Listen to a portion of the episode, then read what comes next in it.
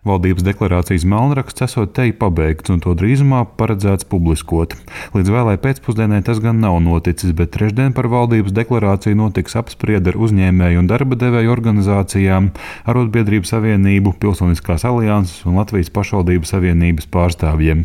Premjera amata kandidāte Evika Siliņa no jaunās vienotības sagaida papildinājumus valdības darbu plānam. Es tikai varu apliecināt, ka šajā deklarācijā fokus būs uz cilvēku un skaidrs, ka ir ļoti svarīgi jautājumi gan par ekonomiku, gan par izaugsmi, gan par veselību, izglītību un drošību, bet eh, bez Latvijas cilvēkiem mēs neko nevarēsim izdarīt. Deklarācijā ietvertie virzieni būs pamatā rīcības plānam, kas vēl taps pēc valdības apstiprināšanas. Šie dokumenti atspoguļos vairākas būtiskas vērtības un uzdevumus, uzsvēra progresīvo viens no līderiem Andris Šuvājevs. Nākamās valdības deklarācija būs eiropeiska, ziemeļnieciska, atspoguļos iekļaujošu valdības pieeja attiecībā uz svarīgākajiem izaicinājumiem, kas šobrīd valstī ir. Mūsuprāt, tie saistās ar cilvēktiesību regulējumu kas saistās ar Stambulas konvencijas ratifikāciju. Tie ir jautājumi par mūsu saistībām klimata un vidas jomā. Šī deklarācija atspoguļo arī uzsvaru attiecībā uz ienākumu nevienlīdzības samazināšanu. Vienlaikus par atbildības jomu sadalījumu jaunajā valdībā aizvien turpinās diskusijas.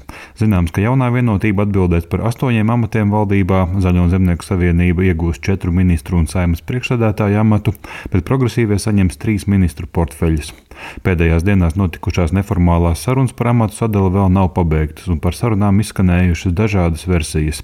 Tomēr, kā piebilst Evika Siliņa, valdības sastāvā lieli pārsteigumi nebūtu gaidāmi.